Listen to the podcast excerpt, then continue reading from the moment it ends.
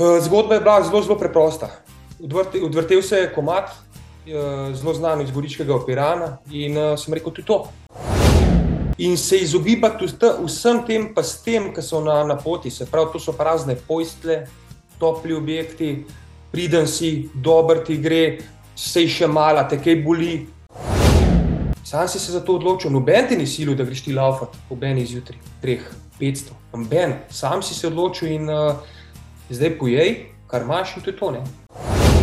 Uh, zakaj? Samo zaradi tega, ker je bil nam tek na robe predstavljen. Uh, nič lahkotnega, vse na moči in unih 180 pulza in več. Ponovadi, ko gremo z Matejo odkole, užgeva urce, polje pa toliko kilometrov, kar je, kar je, dava krat dva, je toliko slik in je to to.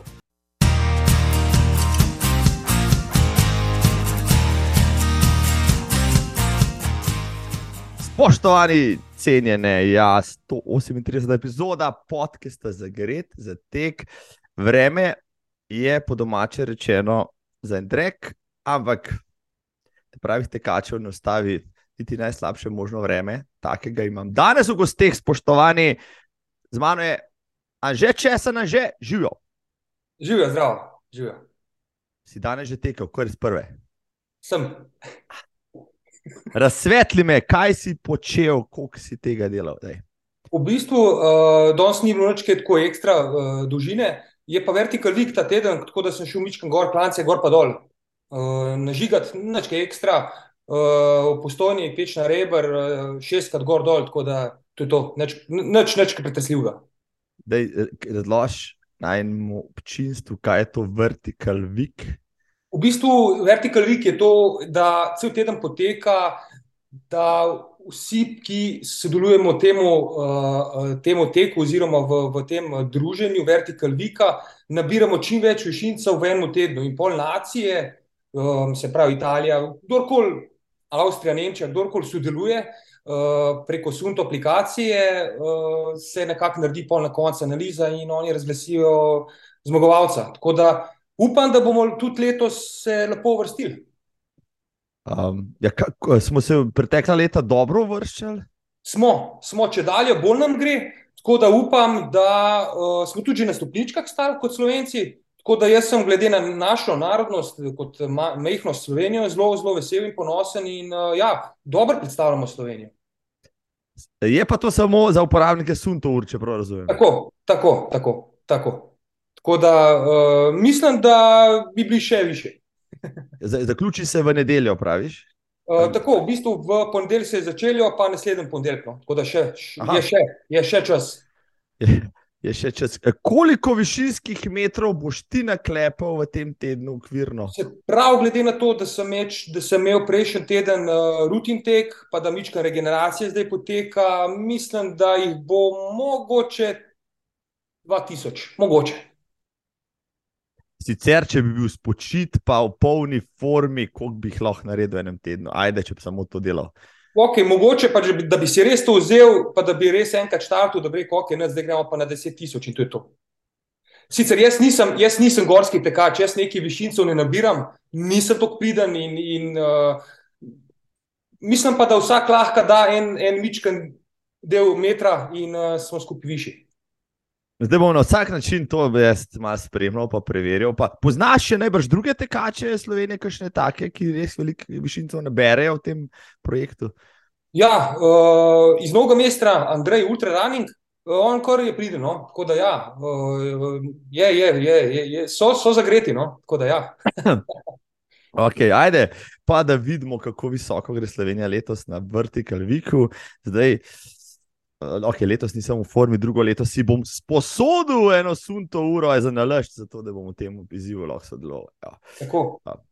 Zdaj, že, evo, če smo že prebila let, um, pa preden jaz tebe predstavim, kar se spodobi nepravično, da ti mogoče povej kakšno besedo o sebi, tako na hitro, vej, kako bi se predstavil v enem stavku.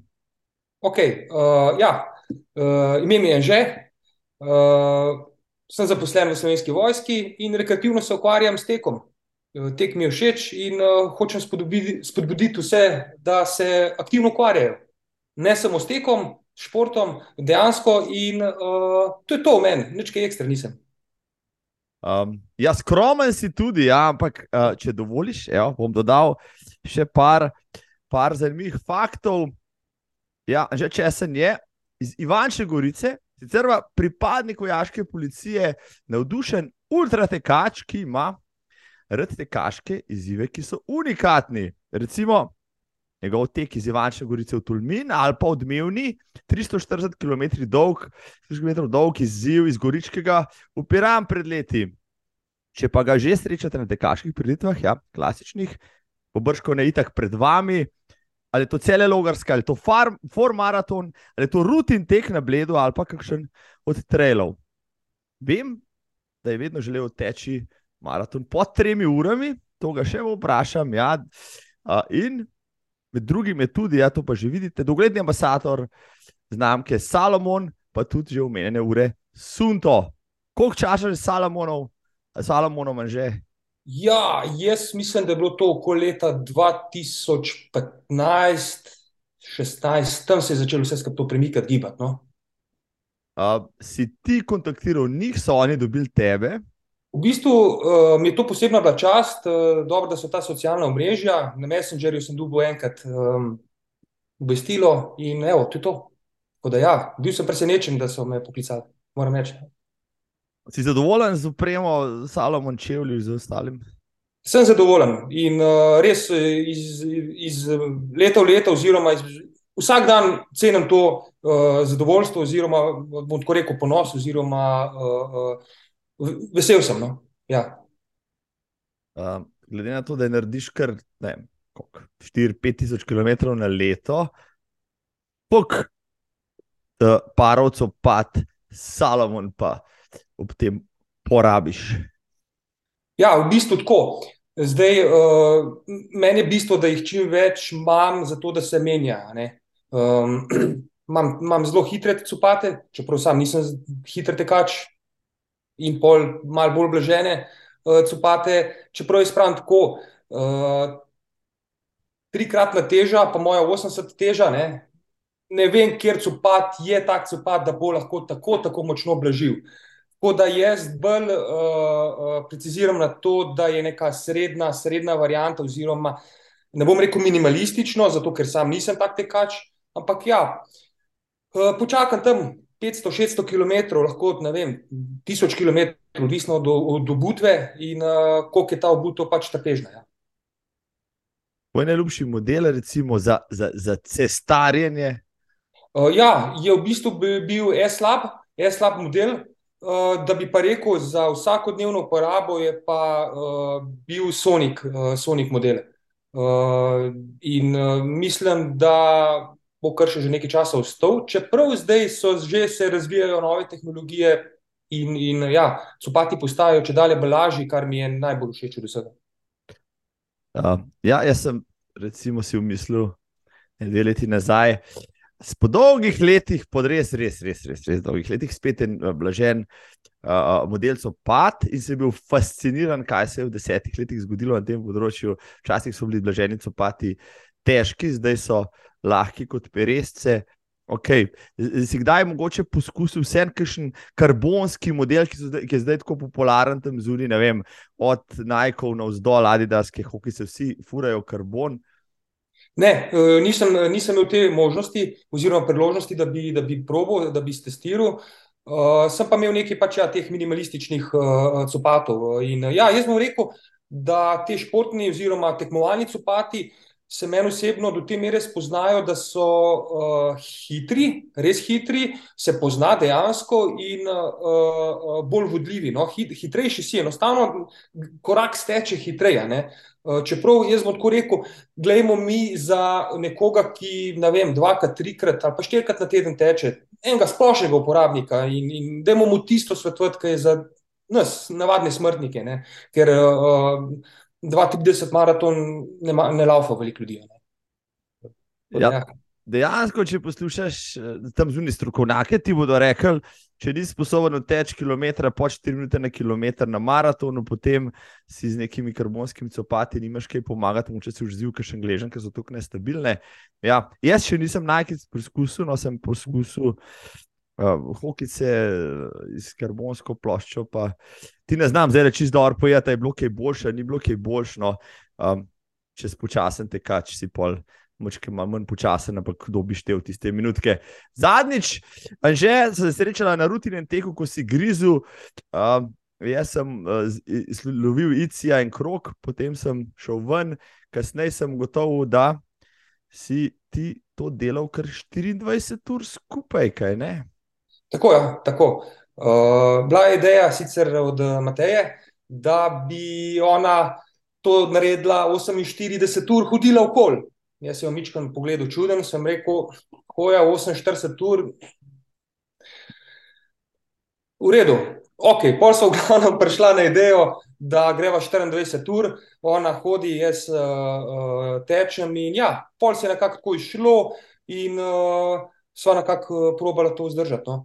Uh, čeprav, da sem odkrit, uh, 16.010 sva končala s tekom. No. Tako da uh, je bilo 23 ur no, in še nekaj. No. Ampak ja, uh, bilo je zanimivo. Koliko krogov si uspel, ja, za tiste, ki niso to, točno spremljali, uspel naklepati v tem času? Se pravi, 29 krogov je bilo. To je okroglih 170 km. 29, tako, tako, tako 100, 100, 170, 170 km, 100, tako, tako je. Koliko jih je ona naredila pešno, to me tudi zanimalo. Uh, ona je pa naredila nekaj čez 70 nekaj čez 70, uh, eh, tako da ja, uh, je pa kar pridno. No? In uh, včasih se mi zdi, da so te, te podvigi, ki se dogajajo peš ali pa še počasnejši, da so še težji. No? Tako da ja, uh, nikoli ne veš, kaj boljše. Uh, res je, ja, res je. Jaz sem tudi zmeraj občudoval maratonce, ki so tisti na repu, pa laufajo 6 plus ur. Da si rečeš, mogoče rabaš 6 ur, uh, vzdrževati motivacijo za premikanje, celo, celo težje, pa če tri, v treh urah pač drgneš to na, na silo. Povej mi, no, 24 ur, to ni kar šala, mala za vsakega. Ti, ti, ti si pač tako povedal, ker to večkrat počneš, ampak ne boš tu tepni lahko, kljub ne. temu, da si vajen teh naporov. Ne, jaz sem že, ko se malo menimo, jaz sem že povedal, že po drugem krogu bi rekel, hvala lepa, bilo je lepo, uh, nekaj si doniral, videl si prijatelje in in bi šel domov, in je to to. Ne? Odkrito povedano, in, in to jaz vsakmu povem. In pol je pa tisto samo dokazovanje, v mojem primeru, in jaz mislim, da je to pri vseh teh ultrah podvigih, ki se sami sebi dokazujemo, da pač je to to, da rabimo. Ne? In uh, ja, jaz sem te zadeve že večkrat počel, mislim, da je bil prvi 24-urni. Uh, maraton, če oziroma pač, kako se reče, ultramaraton, no, se jim ima veze, pa supermaraton. Uh, Tukaj le na Ivanči, na krogu, sem šel z očetom, 160-metrski krog, mali in tam sva ga biksala 24 ur. In ja, pol se iz tega se pol naučiš, kaj delati pravilno, kaj ne delati pravilno, kako ustrajati, zakaj ne nehati in tako naprej. Kdaj no. si imel letos največjo krizo, recimo v teh 14 urah? V bistvu je bila največja kriza tam od 90 do 100 km, ker sem rekel, da je uh, ona šla mičko počivati noter. Sem rekel, da jaz bom pa prišel, ko pridem pol uh, stotkov od Laufa, uh, pa pridem počivati noter. Ne? Oziroma za 20 minut, da se prije mal sep, da se umno glava odpočije. Uh, takrat mi je bilo najtežje, ker se je um začel večno. Uh, spanje, spanje nisem imel težave, kar sem bil zelo zadovoljen. Uh, in vsak krok uh, mi je bilo fajn, ker smo z Matejem ali pa z Janezom uh, kakšno besedo rekli. In uh, ni bilo večje krize. No? Okay, predstavljam si, no, da v 14 urah moraš konec koncev pokonzumirati kar nekaj kalorij, da moraš uporabiti mogoče kakšno žalbo, kje, da nisi preveč odrgnjen, ali pa mogoče celo kakšen tablet pojesti, če je prihodno. Ne vem, povej mi, kako, s čim zalagaš ti svoje telo na takem podvigu. Ja, uh, najbolj pomembna je, uh, ki meni dela težave, je, regeneracija. Oziroma, pre, preden greš ti na tek, da se regeneriraš lahko. In jaz si vedno premalo časa vzamem. Ampak, ok, vedno si nekako rečem, ok, zadnji. Uh, Teh tri, tri, tri dni pred tekom ne bom več kaj do športu. Ampak vedno se najde nek tek, oziroma rahel tek, neka hoja, neko, neko početje, ki počasti, moje mišljenje, nisem, nisem znal, nisem uh, v tej stroki, teražira noter. In mogo bi da čist mer, ampak ok. Uh, po pa noč, uh, na jesce, preden greš na tek, normalno, kot vsak dan, ki ješ, kar ti paše. Uh, mogoče več uh, magnezija, uh, da naložiš, ampak to moš delati že konstantno, skozi. Ne? Uh, ne samo te tri dni ali pa en teden, konstantno, iz meseca v mesec, da se nabira, da, da, da to se gre. Uh, In uh, po pa noč, uh, ko se začne tek, uh, je pa Janez imel tam lepo napolitanke in vsak krok napolitanko dve, mogoče, mogoče kaj kakšen kruhok mali, da mi je tam mal sera, meni to recimo pa, pa, pa, pa še uh, Coca-Cola, recimo, ne. In, in tudi to. No. Je pa res, da na tem teku, kot sem malo gledal, sem pokuril približno tam 13, 13 eh, kalorij, 14 kalorij, kalorij, in to je kar težko nadomestiti, ne, oziroma skoraj nemogoče. Ne. In to te počasi izčrpuje. Ne. Jaz pa, kljub temu, da se s tekom že nekaj časa ukvarjam, nisem prišel do nekega dobrega zaključka, kaj bi jedel, da bi, da bi lahko to pač nadaljeval, še nadaljeval. Ne. Mene noge niso bolele, ne. ni, nisem imel problema z njim. Skrči pa to, ampak enostavno ni neke une volje, energije, da bi rekel: Gremo, gremo, da bi večji power. Uh, uh, ampak ja, enostavno je treba jesti, jesti, jesti, no? nadomestiti in, in same slabe zadeve jesti. Junk food, ja. Junk food je takrat, oziroma koncentriran sladkor, neki maščob. Ampak, uh, kaj pa, kakšni, ne vem, res geli ali pa kakšna kofeinska, kakšen booster, ki je tazga, konzumiraš? Ja, jaz bom tako rekel, uh, sem pa tja. Uh, tudi če grem na kakšno tako zadevo, vzamem kakšen protibolečinski tablet, to ni nobena skrivnost. Uh, nekateri pravijo, da to ni dobro, da to ni ok, kakorkoli že, mogoče tega preventivno vzamem. Uh, s kofeinom, ja, je tako, da se jaz, kofein mi je v redu, da me nekako dvigne, ampak tukaj je zdaj ta, jaz pravim, srce, moje mišljenje, srce mora ostati na čim nižji ravni ne, da ga ne bom jaz dvignil nekaj brez veze, s kofeinom in z raznimi temi energetskimi zadevami. Ne. In uh, jaz vem, preseb, če mi srce začne ful delati, to ni ok, ker jaz na takih tekih uh, mora biti, ne vem, 130 utrip, neč, 140, neč kaj več, ne, čim, čim nižji. Ne. In uh, to, to je meni pomembno. Uh, tako da ja, uh, kakšen magnezij sigurno vzamem, aj to tekoče ali v kapsulah, uh, mogoče prej v kapsulah, Uh, in pa kakšen uh, aktivator, mička, da, da me spodbudi, oziroma pač kakšna tekočina ali Coca-Cola, naj, najraje Coca-Cola. No? Uh, je pa tako, da um, ja, kofeinu se probam čim bolj, kot se da izogibati, no? uh, ker sem imel slabe izkušnje. No, no, zanimivo, zdaj si me kar malo presenetil. Jaz se spomnim, da smo vem, svoje čase, ko smo še daljši odlafali, tako še ultra, konzumirali, kar še narediti, bolj pa take zadeve vmesno. Zdaj, ne, ko, ko mi ti tole razlagaš, sem res pomislil, ja, kaj narediš, kofein, poleg tega te malo zbudi, ja, dvigneti in pritisk in srčni utrip, kar pa je mogoče, kot praviš, res uh, uh, kontraproduktivno. Ja, tega pa res ne rabiš takrat, ko je že tako. Vsak utrip preveč. No, vidiš, zanimivo. zanimivo. Um, no, ampak, če se obdelaš 24 ur. Ja, no, delal... mogoče, pardon, mogoče bi še to dodal, Mogoče bi še to dodal, da uh, ti geli, ki sem, pre, ki so, uh, ki sem jih prej vprašal, sem ti pozabil povedati. V redu, super zadeva, ampak moramo vedeti, da te geli imajo 50-60 kalorij. To, ni, to, to, to dvakrat skoči gre. Tako in to bi jih mogel pojesti malo morje in uh, mogoče za presekati gel. Ja, uh, kaj več, pa da bi pa jaz delal to konstantno, da bi jih jedel, uh, mi pa ne gremo. No, zdaj, če to prevedem, kar si zdaj le povedal, ja, recimo, da si to vedel 14 ur, zdaj pa greva na 48 ur. To sta pa zdaj dva dneva, dve noči, to si delal tudi na rutinem teku. A, a se kaj spremeni tukaj? Tle si predstavljam, da uh, okay, vem, da imaš dobre in slabe ure, ampak vse se akumulira napor, bolečina, trujenost. To, te, tega je skozi več, tudi to, ko se je rekel, manjko kalorij. Kako pa potem, v drugi dan, pa naprej, kaj se pa tam dogaja s tabo, s tvojim telesom? Ja, uh, ustrajati. Ni, ni druge kot ustrajati in vedeti, zakaj to delati, in sam sebe motivirati na tisoč sto en način, in se izogibati vsem tem, pa s tem, ki so na, na poti. Se pravi, to so prazne pojstle, topli objekti, pridem si, dober ti gre, sej še mala, te kaj boli.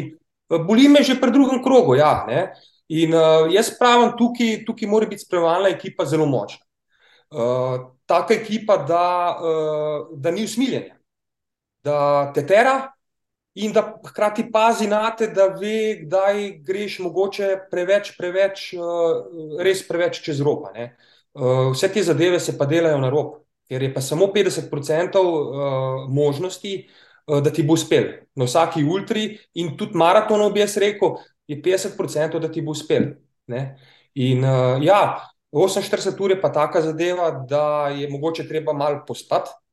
Uh, jaz sicer tukaj nisem, jaz sem šel tukaj za 40 minut uh, v, na, na tem 24-urnem teku na, na, v garderobo, sem se malo ulegel, mogoče malo možgane uh, spravil iz tega ritma, da nisem več imel te kroge, pa te uh, neravne potke tam okoli, uh, uh, da sem uh, malo to uh, presekal.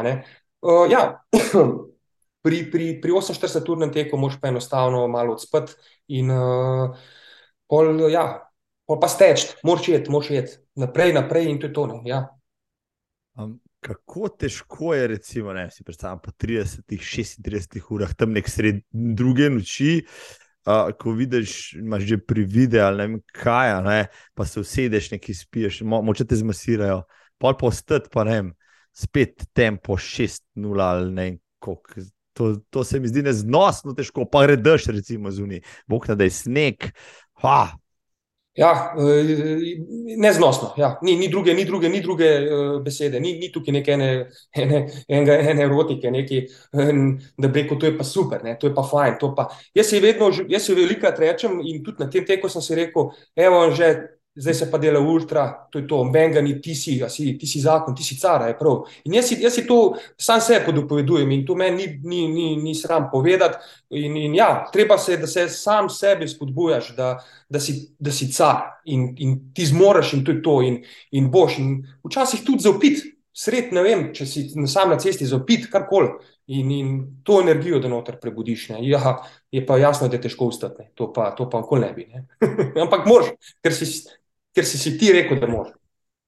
Pravi, boš rekel, da je tudi ne, psihološka priprava pred tem, da bo, če nimaš glave naštela, ni tako vse brez veze. Ne. Lahko treniraš telo, telo ne, do neomejenosti, neumoglosti, ampak glava je pa pol tista, ki te premakne, pa še korak, pa še korak, pa tako naprej. Definitivno, definitivno tukaj je. Jaz sicer nisem več tazga, da bi rekel, kaj je dosta analiziral ali pa da bi se kaj spuščal v to, ampak ja. Uh, Veliko imam uh, gor tam teh motivacijskih knjig, motivacijskih, od Bera Grillsa, od, od Dušana, od, od uh, Dinkerneza in, in teh tekačev. In ja, prebereš, rečeš, ok, če so oni, bom jaz. Uh, uh, uh, ne, le, on se je tam zaustavil, jaz grem lahko naprej, sem boljši, uh, ulej, on se je tam zaustavil, da je kaj naredil, ne, aha, je to naredil, ok, dej. Vedno se, vedno se, vedno se uh, motivirati, vedno se motivirati in, in nekaj imeti pred sabo. Ja. Uh, si predstavljam, da lahko tudi še majhna stvar, ne, ki na koncu odloči. Uh, se spomnim, kolega Ultraša, ko je hodil na, na Špartatlon, pa je rekel: vsak let se je nekaj zgodilo, na malenkost, aj zašel za 500 metrov, a se je usedel za predolg čas. V glavnem, dovolj je že ena malenkost, pa te vrže stira, pa, pa, pa, ne, pa ne greš naprej, se pravi, glava odpove. Uh, Je tebe na bledu, vem, da si to zapisal, prebral, vem, da te je zmotil, da trasa ni bila taka, kot si jo pričakoval, in da je to lahko tudi moteč element, da se ti potem moče res upira in še en krok. Definitivno se akumulirajo te malenkosti. Uh, uh, uh, in in vse, vse te lahko zmoti, vsaka malenkost. Ne? Da ne bo pomote, da ne bo pomote, bled je lep. Bled je lep. Ampak to sem hotel res podariti, da vsi to vlagamo nekaj noter, in, in, in na vseh razglednicah ga imamo. Ne? Uh, in uh, lahko bi ničkam bolj se uredili, to sem hotel reči, da ne bo kakšne zamere, kjerkoli iz, iz tega zapisa izpadali. Ampak ja, uh, te, te lahko zmotijo vsake malenkosti, ali so to vozila, ali so to ljudje, ali so to pesci. Moš vedeti, kaj je bilo po noči, ni bilo nobenega, kaj so pesci, so pesci tam glavni. Jaz sem nekaj že, nek tekač, ki laufa. Noben ne ve, kako laufam ampak jaz se bom prilagodil njim, to moramo tudi vedeti. Uh, tako da, ja, uh, so malenkosti, ki te lahko zmotijo. Ja? Na rutinem teku imaš, da je rekord v 48-urnem teku 264, če se ne motim. Je to rekord, kdo uspel še kaj več odteči? Zanj smo se na Bledu pogovarjali v tej smeri. Zdaj ne bom trdil, uh, mislim, da je samo en krok težki, več prelahko. Pre, pre, pre ne bom pa trdil, ker tudi oni niso sami vedeli tega rezultata. Ampak John Janez je rekel: Jaz imam vse zabeleženo, napisano, tako da on ve. Ja, John je treba vprašati, bo pobrskal po arhivih. Ampak to je res impresiven rezultat. Mislim, si ne predstavljam, no, da to časa premikaš noge. Ampak ti si tekel tudi že dlje. No? Če se premaknemo par let nazaj, vse smo slišali za tebe, jaz sem hodil tudi na formaratone prej, ne? pa se spomnim. Sem takrat, ko si bil drugi, en vojak, česen, tam le nažiga kroge, ko zmešana. Um, no, ampak za res, za res si nam, pa vsem tistim, ki te nismo osebno prej poznali, prišel. Uh, v, v, v, v našo res tekaško zavest, ko si tisti projekt uh, iz Goriškega operan. Takrat najprej napovedoval, kar se je že dosti delo noro, potem pa tudi izpeljal. Zdaj, pa bomo pa še kakšno o tem, kako si začel sploh teči. Bolj me zanima, kaj ti je vžgal v glavi, da si rekel, da bom pa je šel laufa 350 km v kosu čez celo Slovenijo, Bog pomaga, predtem pa ne vem, koliko je bila tvoja najdaljša razdalja. Ja, v bistvu uh, zgodba je bila zelo, zelo preprosta. Odvrtel se je komat, uh, zelo znan iz Goričkega operana, in uh, sem rekel, tudi to. Ni, ni tukaj nobene, nobene dolge razlage. In uh, sem rekel, tudi to ekipo v poklicu, in, uh, in smo šli. Uh, in uh, priprave. Eh, logistika je bila najbolj zahtevna, eh, največ časa mi je vzela, naj, največ energije. In ja, pa smo prišli. No. no, to je bilo leta 2015, ali bo še tako? 2015-2016, tam se je začelo to. Tako, ja? tako. Um, kako se pripraviš? Okay, Meni men je ta ideja zelo simpatična, zelo romantična. Vem, da je pred leti obstajal ultramaraton v petih etapah, iz Goriškega opiran, mislim, da je bilo enkrat ali dvakrat. Um, v petih etapah se mi zadeva zdela zahtevna, ampak v enem kosu, kako logistično, kako se pripraviš na to, koliko časa so ti vzele priprave za sam projekt, preden mi poveš, koliko časa si treniral za to. V bistvu, ja, uh, kot sem rekel, logistika mi je vzela največ energije. Ne. Takrat sem bil še svež, spoh, uh, če rečemo o opremi. O, o, o, tudi jaz, tekaške družščine, nisem dosto poznal, moram odkriti biti. Uh, in, in uh, Imel sem pa neke kontakte z Intersoxom, sodelovanje z nogavicami, testi in te zadeve, fotografom Jožetom iz Intersoxa, levo, desno. In uh, ko smo se nekako povezali, sem rekel, Jože, bi šel ti to z nami, da bi mi to naredili, malo poslika, tu in tret. Uh, ekipo Dubu, uh, kinezologi Njuška, sem vprašal, če bi bila zraven, uh, starša moja dva, voznika uh, iz vojske in uh, ja, oziroma sodelavca sem dobil vse, vsa pozitivne odgovore, in pa se je šlo tudi to, da sem jaz mogel tudi ne, neki ekipi uh, dati. Ne. Uh, se pravi, vedno, kadar se odvija taka zadeva, hočem neki ekipi v zahvalo podariti. In uh, ja, sem šel tukaj na Salomo, sem šel tukaj le Intersox, da se je neka ta vrečka, dobro, moj poklon do njih uh, začel pač uh, na tak način. Ok, ker smo vse skupaj, da bi rekel, to združili, dobili. Uh, sem se pa pol sam zapeljal, z, z, mislim, da je bilo do vcate že to nazaj, moram malo poštudirati. Uh, Začetno so se odpeljala in ja, uh, raziskati, kje bo štart, in uh, lepo je pot za pot, pogledati pot prevozna, izvidovanje, po vojaško poti narediti.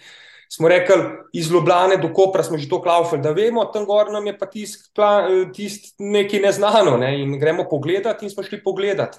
Uh, avtodom Juri Jagar, Jure, da je avto dom, cak, on je bil navdušen in je rekel, kva je to, cak, nalepke gor dal, avto dom tam le dal in, in ja, pa se je pa začel to vse skupaj odvijati.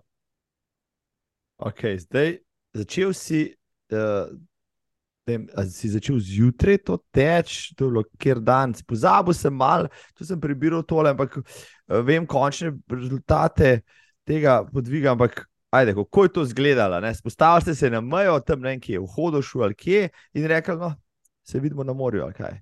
Tako, v bistvu, ja. Uh, taka zadeva je bila, da sem jaz um, preko socialnih omrežij uh, uh, probo povabiti vse te prijatelje, ki se poznamo in ki se ne poznamo, da pridejo z mano odlaufati uh mhm. -huh. kilometr, dva, deset, kot bo. Ni bilo to nobenega, nobenega dobrodelnega namena, ni se zbiral noben denar, ker sem rekel tega zaenkrat eh, še ne bom eh, šel delati, ker je tega veliko. In sem imel takrat tako mnenje in občutek, da ljudje so že malo prenesiti tega in ne pridejo v moje potovalni ladji, bojo imeli eh, za jesti, za pit, kar bojo hoteli, to, kar imam jaz. Strogo je bilo določeno, da je moj tempo najhitrejši tempo in ga jaz določam, in noben ne sme biti niti centimetra pred mano, to je bilo strogo rečeno. Uh mhm. -huh. In vsakmu, ki je prišel me pozdraviti, mi nismo vedeli, koliko jih bo, uh, sem tako obesek naredil z, z neko, neko uh, z, z, če mi boš pol dovolil, bom šel tam nekaj iskati. No. Tole imam, imam, prav v, imam prav v vitrini, veš, svoje te dosežke, kakšne in, in imam prav stanje. In v glavnem tako, tako verižico sem dal vsakmu. In Lušte. ta verižica je pomenila neko upanje, neko voljo, neko, neko naprej. Eh, in to sem si dal tudi, eh, ja, eh, kasneje, tetovirati na roko, podobno. In pa ja, še vedno na čevlje shranjene. Oho, iz tega projekta, to so čevlji, katerih si pretekel štart do cilja. Tako, tako. In jih potem si... nisi več uporabljal. Ne, Sonic Pro in te so bili takrat pretečeni 340 km in so še zdaj v vitrini. Uh, in ja, v glavnem, uh, pardon, pol se je ta zadeva tako odpeljala, da smo povabili vse te tekače, oziroma kdo se je hotel, se je pridružil. Mislim, da smo imeli neko aplikacijo tudi na telefonu, uh, ki je bila takrat za tiste cajtke, mogoče malo zastarela, ampak ja, da so lahko nas sledili, kje smo. Um, mislim, da je oče skrbel za socialno mrežo, če se ne motim, uh, da je objavil in, in sporočil, kje smo. In uh, ljudje so prihajali. In moram reči, da uh, sem bil na progi sam samo 30 km. Bravo. Koliko beskov si pol razdelil, koliko ljudi je prišlo? Ogromno. Uh, Marko, prosti, ne vem, ampak ogromno in za vsega je bilo. Če pa je slučajno, kaj uh, smo kar še mu pozabili, da uh, ga, ga je pa naknadno dolgo. No? Uh, tako da to je bila neka, neka meni zahvala vsem tem, ki so prišli me pogledati. In uh, takrat je veliko rekordov padlo, uh, 100 milskih, 100 km, uh, uh, maratonskih, 10 km. In uh, takrat se je v bistvu naredila neka taka tekaška družščina, uh, in uh, pol je nekaj časa ustrajala ta tekaška družščina. Smo bili bolj povezani z nekaterimi, s prijatelji smo še zdaj povezani. No, to, to, je, to je lepo slišati, ja, da tek na ta način tudi združuje. Uh, takrat si predstavljam, da ja, koliko si največ odtekel do tistega projekta? Vem, po mojem, je takrat cel je logarska. 75 km. Tako, tako. Mislim, to je recimo 4x5, 4,5 krat dlje. Kako, mislim, to si v zavestu, kako je potem to izgledalo, ko si bil pa enkrat na 100 km. A te je bilo kaj strah pred tem, ali si imel tako dobro vse razdelan, da si rekel, pa tudi če hodim do cilja, pridem. Ne, uh, jaz sem se takrat, to vem, uh, sem se veliko psihološko pripravljal. Uh, sem vzel knjigo, sem šel v gost in sem bral knjigo. Uh, mogoče takrat uh, tega ni bilo toliko videti, ampak ja, jaz sem se pač pripravil in sem bral uh, razne te motivacijske, ne govore, ampak kakšne, kakršne koli knjige, ja, seveda, povezane s tekom, z naravo, kakorkoli že. In uh, jaz sem vedel, jaz jaz sem bil toliko vase prepričan, da bom naredil, uh, ko mogoče, pa ne bom rekel, da ne bom nikoli več, ker pol je, sem zapečatil z vsem. Ampak ja, takrat sem bil močno psihološko pripravljen. Um, in in uh, pote pa seveda so, so te še ljudje, ki so prihajali, so te še pelali naprej. In, in uh, ja, psiha je bila takrat tista, ki je odločila. No. Ker del trase je bil dejansko res najbolj zahteven, da ti je dal tinte pit. Jaz, Ko se spomnim, sem mičken uh, bil siten, uh, ker smo mal pred Koprom mičken, oziroma je bila tam, kaj tam Koper, tam tista smer, no, smo mičken nam rekel zašli, ampak neki smo v Vinke delali, pa vem, da se je bila ena klopca tam, da sem se usedel, pa da sem bil mičken siten. kaj več se pa ne spomnim. To je problem. Mislim, to, to pomeni, da si bil v takem zanosu in transu, da si to kilometre jedel in da si v bistvu se ukvarjal z vsem ostalim. Da, uh, ali dejansko nisi imel nekih težav, ker te je vse to tako poneslo? Mogoče, ja, bi se strinjal, bi se strinjal s tabo tukaj, enostavno me je tukaj takrat to nesel naprej, da, da ni bilo neki, da bi ne, neki težav. No. Zdaj, Jaz bom tako rekel, jaz na tale najno srečanje, miting, kakorkoli, jaz se nisem kaj ekstra pripravil, nisem šel nič brati, ker sem rekel, gremo tako kot stekom naprej, ne bom nič se pripravil, ker je vse drugo je neko, neko, neko naučeno. In, uh, mogoče bom šel celo danes prebrati in uh, mogoče bom vse druge povabil, ki to poslušajo, da grejo prebrati, pa če vidijo, da sem imel kaj krize, bom tudi jaz rekel, o Marija, tukaj sem jo pa res imel. Uh, koliko časa je vse skupaj trajalo, da si na koncu do, pomočil noge v, v Slovensko morje? Marko, da mi pomagi, mislim, da je bilo malo zapisano to tikje. Uh, kilometrov je bilo 340, ja. Ja, ja. Zdaj, jaz sem gledal tvoje intervjuje, ne, ko si dejal, da si, da si porabil tale novinarka iz, iz dolenskih novic ali znotrajskih novic, Blanka. Uh, poceni naredila intervju, rekla, štartov si, uh, mislim, da ne, 24, zaključil si 26, se pravi, ne, dva dneva si porabil za to. Um, in v tem mislim, času. Ja, pardon, kar... mislim, da je, mislim, da je bilo kakšno uro pod, dva, pod dvema dnevoma. Uh, uh, tako da ja. Uh, To je kar zavidljiv tempo, če tako pogledaš. No? To, pa mogoče celo ne, ne predstavljiv zdaj za me. Če bi se zdaj le lotil česa takega, si predstavljal nekaj časa, bi rabu, bi imel kar težave, praviš. Kako? Mogoče bi biti zelo, zelo, zelo dobro pripravljen. Se pravi, brez poškodb, res senacijo vseh teh poškodb, ki sem jih, ne vem, mogoče pol dubu ali pa pač, ki jih še imam, ali pa ki so še nekje skrite. Uh, dobro ekipo vem, da imam. Dobro ekipo vem, da imam. Uh, še pogovoriti z ekipo. In uh, ja, jaz bom tako rekel, nisem še rekel, pa ni to na kakšen nek napad, ampak ni, ne napoved, ampak ja, nisem še rekel zadnje besede z, z, temi, z temi dolgimi, dolgimi zadevami in uh, sigurno se bo še nekaj naredil. To je sigurno. Ja, vem, da si na blogu takrat napovedoval, mislim, da leto kasneje, kako, da boš to ponovil, to podaljšal na 500 km. Um, kako da, da potem tega nisi izvedel? Recimo? Ja, zadeva je bila taka, da smo šli mi vse to v izvedbo. Uh, hudi noter za ekipo, ki da vsakeč delati, so še noter. Uh, oziroma, vsak ima svojega. In vsak ima svojega z, z, to, z to pombo, da, ne, da ga ne sme nositi, ker nismo te zadeve naredili. In ko bomo to zadevo naredili, ga lahko oblečejo gor. Uh, se mi je pa ta zadeva ustavila pri 100 km, 110-120 km, uh, malo naprej od postojne. Mislim, da je bil glavno vzrok kofein. Uh, takrat pri postojni, uh, res da je bilo, da, da ne bom, res da sem bil že zmatran pri 100 km. Ne? Ampak uh, takrat sem spil neko flaško, mislim, da vsi poznamo, ki ima deset, kavnih, uh, deset kavic, da je v tej flaški noter, ni jaz jasno, pardon, izrazil požaru celo. Ne. In sem se zaustavil. Ne. Kozlanje spredi zadnji in, in, in gotovo. Nikamor ni šlo, trde noge, in nekje sem še tam pri enih kolegih probo malo pospati, da bi kaj bilo, ampak ne. Sem rekel, že 110 km imaš, še 400. Ja, sem rekel, to pa dovolj. Ekipo sem poklical, sem rekel, pridite mi iskat, so, po, so me prišli iskat in smo šli domov. Po enem dnevu, fante eh, in, in, in deklete sem, in sem prosil za, za, za dopuste, sem jih pustil na cedilu in jaz si še danes ne pridem, še danes mi ni vse, da sem pač to naredil, kar sem. In zato bom ponovil ta, to zadevo 500 km. Um, mogoče za svoj 40. rojstni dan.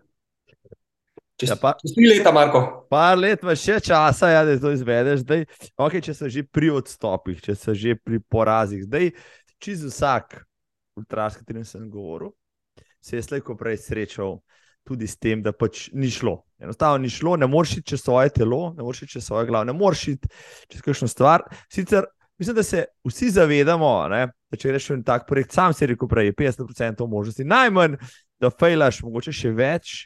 Kako se pa ti potem, ok, naprej se praviš, da mogoče ne bo šlo, ampak če ne gre, si ravno tako razočaran. Kako se ti pa soočaš recimo, s podobnimi, podobnimi eh, zadevami, z odstopi? Z... Ja, eh, vsak odstop uh, ali pa spremembo v življenju je težka. Katera koli, je to tek, ali je to doma, ali je to služba.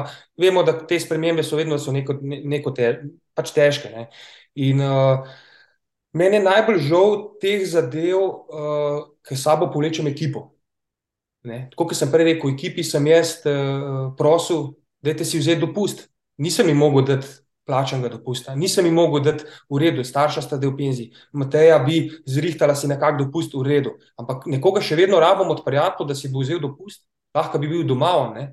Ampak ja, uh, to se največkrat učitam, da rečem, evo, nisem pustil na cedilu. Ne? Kar mogoče ni včasih v redu, jaz sam se rečem, le že, sam si to naredil. Sam si se za to odločil, noben ti ni silo, da greš ti laufat ob eni zjutraj, treh, 500, noben, sam si se odločil in uh, zdaj pojej, kar imaš in to je to. Ne? Vse je bila tudi vipava, v redu, je bila poškodba, sem, sem odstopil. Nisem bil jezen, v redu, ok. Ne? Uh, nisem pa take, da bi zdaj to uh, uh, imel neko, neko, imaš, seveda imaš v glavi, ne? ampak da bi bil pa slabe volje, pa sitem, pa ne vem kakšen, pa, pa, pa neko imel e-, ego, ne, pač odstopil sem. Je pa to, da se maksimalno potrudim, takrat, da ne odstopam, pa mogoče tudi zaradi, eh, ne vem, kakšno bruhanje, ki je nepotrebno na, na podlagi tega, in, in, sla, in, in bolečine tukaj, in bolečine tam, ampak ja, to imamo, ker to sem hotel.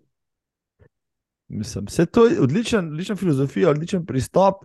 Jasno, se mi zdi, da te od, odstopi lahko včasih celo več naučijo, kot pa zmage ali pa uspešno zaključene zadeve. Uh, ja, eh, zadeva drži. Ker uh, vedno, ko si navaden zmagovati, ali pa zmagovati, jaz nikoli nisem bil, jaz pravim tako, jaz nikoli ne bom uh, med prvimi tremi. Jaz sem počasen tekač, mogoče ustrajen, ampak sem počasen tekač, tako da mi vse, a sem, sem četrti ali pa petstoti, mi vse, zato pač grem. Ampak ja, hočem to reči, da včasih ti gre pa dobro. In uh, takrat, ko nam gre dobro, se moramo tudi zavedati, kako nizki in mali smo in lahko zelo, zelo hitro se nekam užgemo, in to nas košta. Ne. Tako da moramo vedno biti pripravljeni, da se lahko zgodi, da mogoče nam zadeva ne bo uspela. Um, in jaz včasih sebe na tak način motiviram, da rečem, ok. Danes grem pa v toplice, laufati iz Ivančne, na Ptuj, to je pa ne vem, to pa to kilometrov. Zato, folko, pardon, zato povem ljudem, da imam jaz motivacijo. Wow, nekaj sem jim obljubil. Ne? ne zato, da jim skrivam, da na koncu jaz prišel, ne pa rekel, evo, jaz sem pa zdaj bam, tole urco imam, lete, koliko sem jaz to prelafil. Ne, jaz pa mogoče gledam včasih iz drugačnega vidika. Da sam sebe motiviram, dal sem jim neko, neko zadevo, da me bojo mogoče spremljali, da bojo mogoče rekli, ojoj, že spet in že. Uh, in uh, jaz pa rečem, wow, obljubil sem jim, ne smem jih pustiti na sedilju. Ne? S tem, da jaz vem, da sam sebe imamo v nekem šahu, ne nehati, ker bo rekel, lega. Um, se mi zdi, da je to odlična taktika, ja, ki jo Slovenci nismo tako vajeni. E, pred leti se spomnim, da je neka olimpijska reprezentanca šla na zimske olimpijske, pa ena od, od ne vem, deskar, tekačic, se, se ne spomnim, dejala, da sem tja po medaljo. In marsikšen komentar na spletu je bil, da je preveč uh, samozavestna, ne, da je nečimrna, kaj, kako si drzne, ne, se še neči naredila, že kar z medaljo. Ampak morda je včasih tisto, kar izustiš na glas, potem neka, neka avtosugestija, ki ti pomaga, da nekaj narediš, ali pa to, kar praviš. Ne, kar sem, en, kar sem bral v neki knjigi, če hočeš uspešno hujšati, napiši na Facebook. Danes bom začel hujšati, čez tri mesece bom imel 10 km manj. Če ne, ne, me lahko vsi poplujete in boš uh, krval, uh, kri boš scal, grdo rečeno, da boš to naredil, ker si cel mobitor obdubil. Mogoče je to res ta tvoj recept pravi za marsikakšen uspeh, ki ga drugače pač bi najdel še razlog, da ga ne bi naredil. Ja, uh, včasih je treba enostavno pač sebe dati uh, v neko preizkušnjo in, in, in, in se držati v šahu, da boš nekaj naredil. Ne? Ja, se včasih me tudi ne paše, ne? pa pač ne rečem, pa ne povem. Ne? Vse bodimo odkriti, socialna mreža, včasih jih ni bilo. Ok, vemo vsi, pa si šel, pa, ni, pa, pa, pa te ni bilo, pa si rekel, da sem naredil, ali pa nisi povedal, se nima veze. Pač ok, danes so take, taka, taka, tak čas je in uh, Včasih tudi me napaša, da rečem, zdaj pa tih, pa pač ko pridem, pa, pa poslikam pa levo, desno, pa se eni zgražajo, jo že spet česen in to. to.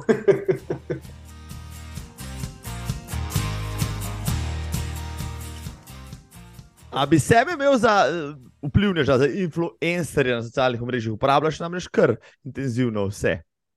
Tako bom rekel. Uh, uh, Nekateri imajo ta uh, influencer uh, pred, pred znak za slabega. Ne?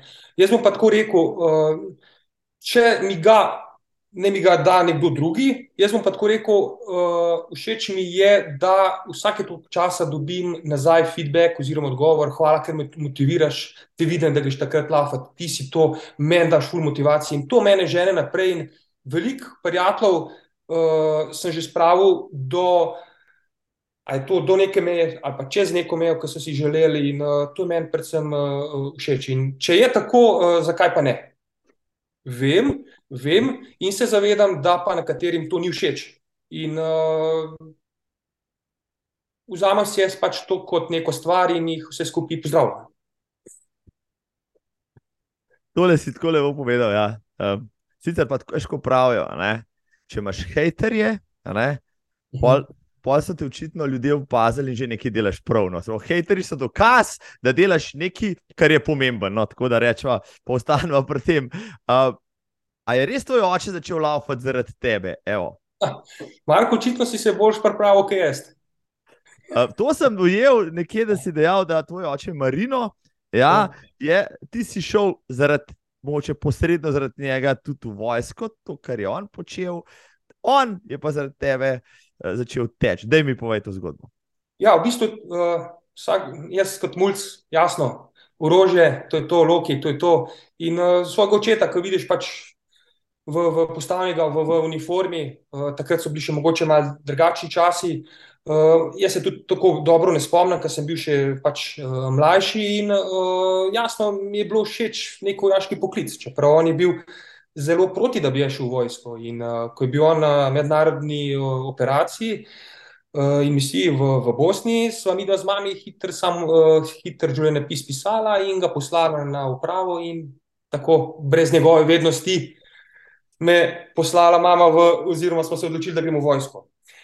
Uh, ni mi žal uh, in sem hvaležen za to. In, in, uh, in če bi se mogel odločiti uh, še enkrat, bi se še enkrat. Uh, ja, in pol je pač se vse tako zasukalo, da, uh, da je pol oče začel na starejša leta športati. Ko je bil mlajši, se je ukvarjal, ko je bil mlajši, mlajši, ukvarjal z športom, dvigovanjem teži in te zadeve. Ampak eh, kaj te kardio, oziroma tek, pa to pa nikoli, pohodi nikoli. Pol je pa videl, da je to dobro, ampak on je to videl pri sebi. In to je uno influencerstvo, ki si mogoče, ki so pred uh, debato žgala, uh, da vidijo, da je to dobro za njih, in ja, pol je pa začel laufati. In uh, v veselju mi je, da je takrat z, z mojo punco Matejo, uh, da sta prelaufala istrski maraton uradni. Eh, časa, ti odkrito povem, eh, ne vem, eh, ne igra vloge, meni osebno, ne mu verjamem tudi, da ne. In ja, v kratkem času je, je, je maraton pretekel in še mrsi, kdaj mu rečem, maraton spovej. Tako da ja, in on je zelo, zelo ponosen tudi na Matejo, takrat, ko je bila z njemu in to mislim, da mu bo ostalo vedno in zavedno v spominu, kako je z njemu takrat edina ostala, da sta skupaj sfajtala, ker jasno mu je bilo težko. Uh, je pa edina zadeva to, da bi ga mogoče, če sem ga že upeljal v šport, počasneje upeljal v šport, pametneje upeljal v šport oziroma v tek. Uh, ampak ja, za zdaj se ne da popraviti, zdaj pa on leti in to je to. Ja, na, na stravi ga zapazim, ja, da je zelo aktiven. Ja. Uh, v vseh letih časih, v vseh urah dneva, tako kot ti, no, mislim, ti si znan. No, še nekaj mi povej, zakaj je njegov nedimek kosta? Ha, v bistvu, ja, on je takrat začel najprej se s kolesom ukvarjati. Ne? In uh, takrat je bil, mislim, da je tudi obstajal kolesar Kosta. Uh, in in to, to je ta zgodba. in to se ga še vedno drži. Ja. To se ga še vedno drži, tako da ja. A, ima Anže česen, kakšen nadimek, mogoče, ki, ki je znan med prijatelji, znanci? A mogoče pa res uh, strongman. Oh. Vem, da je bila tudi ekipa Strongman Team s pokojnim Perotom. Uh, in uh, ja, uh, takrat uh, so šli tudi oni laufati uh, v meni v čast, uh, z Mikico delano posebej. In uh, ja, to je to, tista ekipa, ki, ki je bila, žal se je zdaj malo vse skupaj dalo v drugo smer, oziroma pač so se razgubili mogoče nekateri stiki. In ja, uh, Strongman uh, mi še marsikdo tako napiše in vedno gre tisti čas, to Strongman je tisti čas, gorička, piran in tako naprej. Zdaj predstavljam si, da ja, uh, mlad fant gre v vojsko. Poznam kar nekaj vojakov. V vojski je fizična pripravljenost, tudi kardio, vadba, pač neobhoden del, ne samo osnovnega urjenja, pač življenja tam, bivanja. Uh, Verjamem, da si tako spoznal tek, ampak marsikdo pri tem, pri tem ostane. Moj dosti ste jutrajnih pol ure, eno urco, trikrat, petkrat na teden, kako koli. Ti si šel dlje, ti si šel na maraton, ti si šel na cele logarske tebe, vlekel dlje. Imaš to v sebi, je bil, ali bil kakšen trigger, da si zmeraj hotel raziskovati, koliko delaš, pa lahko greš. V bistvu, kot si lahko povedal, jaz sem začel sploh uh, v vojski uh, bolj športati. Eh, srednja šola, ne tako, osnovna šola, še manj, ok, žoga, pa gips, obvezno, uh, ne pa tek, nikakor. Ne, to je bila muka. Uh, zakaj? Samo zaradi tega, ker je bil nam tek na robe predstavljen. Uh, nič lahkotnega, vse na moč in v njih 180 pulza in več. Ne? In normalno, zato vsi sovražijo tek. Uh, v glavnem, ja, pa so bili po vojski, uh, hitro sem prišel v vojaško policijo, uh, razne te. Eh, tekme, vojaške tekme, vojaške policijske tekme, kot nekakšni zdaj zelo popularni uvirati, ampak da je bilo vse tam daljši, mogoče malo težji, eh, timski duh. In takrat so mene uh, starejši kolegi, uh, nekateri so zdaj že v penziji, da tako rečem, uh, povabili v to zadevo in uh, predstavili. Teka, tako, kot matranje, ampak meni je bilo v redu. In ja, so rekli, da že gremo na cele logarska. Kaj je to? Cele logarska. Ja, to smo pa mi še laufali v uniformi, v gojzdarjih in to je to. In zdaj gremo, ok, kombi, vojska, no, se je bilo, ne vem, 5-6 komadov. To je bilo priprave, da bi šli na, bi dušen mravlje rekel, boh ve kam, Trans Avstralija, mi tam ne za unih 75 ali koliko, geli, to, cek, joške prelete, to, ni, ni da ni, kaj špil, že 14 dni prej magnezija, kva, dej, pi, kva je že, oziroma je tale slanino, to veže vodo, un, tret, ja, kva, dej. V glavnem, to je bilo res komedija, ampak ja, pa so oni mene to včasih cele logarska in sem kar cele logarska ustrajal, cele logarska, pol sem motivacijske knjige, kakšne prebral, motivacijske spravim, um, ultraške knjige, uh, Dušana. In, uh, in ja, tudi, ko sem Dušana prebral, sem šel kele na stadion 24 ur. Bravo, kako malo je treba, upam, da ti ne bodo za rojsten dan kupili preveč kakšnih novih tekaških knjig, ja, da ti ne bo še kaj padalo v, v glavo. Le glede na to, da evo, povedal si, kaj si vse že pretekel. Ne? Sigurno ti je kdo rekel, hej, če sem, ne? če si pa tako dober, tako hiter, tako zdržljiv.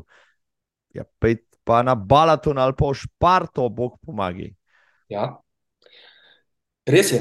Šparta, še zdaj imam zapisano nekje v vlogu, da mi ustaja eh, nekak neki cilj. Uh, bil sem prijavljen tudi na Balaton. Uh, plačano, prijavljeno, pripravljen, vse. To sem treniral, sem na, na misiji, sem treniral na Kosovu in tam baza peč. Zelo lep klanc, 100-metrski klanc, odlično lahko natreniraš. Žal sem takrat zdubil stopalnico, peto stopalnico sem si zlomil in je bilo treba operativni poseg, in takrat je zadeva padla v vodo. In uh, sem rekel, že to ti ni namenjeno, in uh, nisem več pomislil na balato.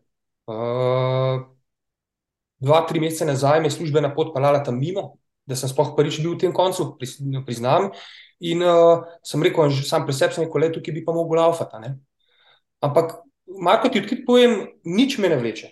Uh -huh. uh, mogoče zato, ker slišim, da je uh, brutalno, uh -huh. uh, mogoče zato, ker nimam, uh, ker nimam dovolj volje, Uh, mogoče zato, ker nimam uh, dovolj uh, nekega upanja, oziroma uh, da, bi, da, bi, da bi imel, uh, da bi si to upal narediti, priznam. Uh, Šparta, Šparta, pa bom tako rekel, včasih me malenko zmoti, pa ni izgovor, ko vsak bo rekel, da je to izgovor. Uh, Malo me zmoti te prevelike štrtnine, no, Marko, čisto odkrito povem. La, Raj si rečem, ok, se je Šparta definitivno po vsej vrednosti, čeprav jo je tako, kot je, in kvalifikacija, kako je zdaj, ti odkrito povem, ne vem, ker bi se mogel pozanimati. Uh, raj si rečem, noč bom šel na 500. Pa mogoče bom dal tam tam denarja, vemo, avtodom je levo, desno, gor, to organizacija. Ampak uh, za Šparto pa še nisem rekel ne. Balaton bom pa rekel ja, da se ga posrednosti ne bom udeležil nikoli, ker je pač tako hotla narava, da rečem. Grčija mi je pa vedno bila neka država, velika, gremo tudi na dopust, ki mi je zelo lepa. In uh, se mi naježi koža, ko, ko bi mogoče že zdaj, ko slišiš, kaj Frank govori, kaj so govorili in, in, in kako to ljudje navijajo, kakšni so Grki in tretji. In ja, um, stimo se presenetiti. O, ja, ta Špartatlon, ja, ki poje vsako leto dve tretjini svojih udeležencev in jih izpljune, ampak tisti, ki pridejo skozi. Ja. Pa zmeraj rečejo, zdaj že kar nekaj špartatloncev poznam. Mhm. In jaz sem si rekel, ok, nikoli ne šel na špartatlon, ne? ampak nikoli ne rečem, nikoli. Pa recimo, da res ne bom šel, ampak če bi šel, ne? mi vsak reče. A veš, kaj je potem, ko se zaceliš rane, ne, pa spuleš vse nohte dol, ki ti počrnijo, ne, pa ko končno lahko staneš iz postle, pa si pa želiš še enkrat iti. In, ja, evo, to, da boš vedel, a, če boš vdaj na šparto, se pripravi, da boš uh, večno zasvojen, zasvojen z njo. Uh, že odličen sogovornik si, a si videl, urca, urca gre pa še le večkrat popraskala se po vrhu. Uh, povej mi, ok. Rekl si, vojski si vojski, ti avtomatsko potegnejo tudi v, v, v, v laufarijo. Si imel kakšne, poleg knjig, pa, pa uh, ljudi okrog sebe, kakšne vzornike tam, vzornike, ki so bili vojski. Poznam veliko ljudi, ki so vojski in so odlični tekači, utraši, triatlonci, ni da ni. Tam res ni težko najti nekoga, ki je res dober. Ne. Si ti imel kakšnega, rekel, v tem prostoru, da te je navdihoval, da si ga vprašal za kakšen svet, da si bil bolj samorastnik. V bistvu, ja, v vojski je tako. Uh, jaz sem prišel v vojsko z 20 leti.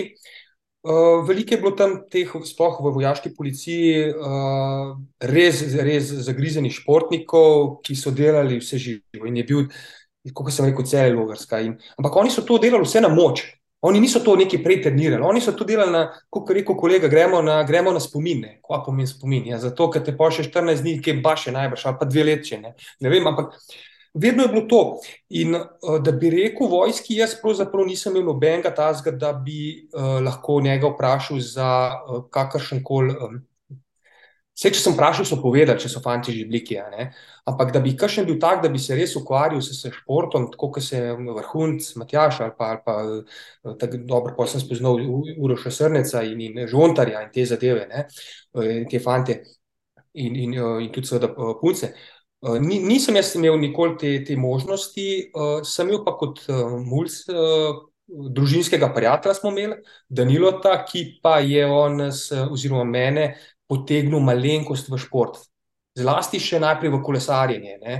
Uh, nikoli ne bom pozabil, ko smo bili na Hvaru in rekel, že uh, kolo in tret sabo vzem. Sem rekel, bom, v redu, ok.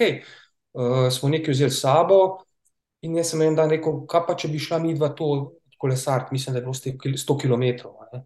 Je njemu se učke posvetila, rekel, res, jaz se ko ja. Ne. V redu, greva, jaz vse v zadovoljen, vesel. Sam kaj, kaj jaz njemu nisem upal povedati na 20, 30, 40, nekaj km, da jaz ne čutim spodaj, pa to ni izrazu jajc. Ne, sem rekel, ne čutim nič, ne. Ja, kaj ne čutiš, ne? Ja, ne čutim ga, ne. A rekel, to je normalno. Ja, seveda, da je normalno, da je normalno. In potem se je tako začela ta zgodba s športom. No. Odlična zgodba, ja, vidiš. Ja.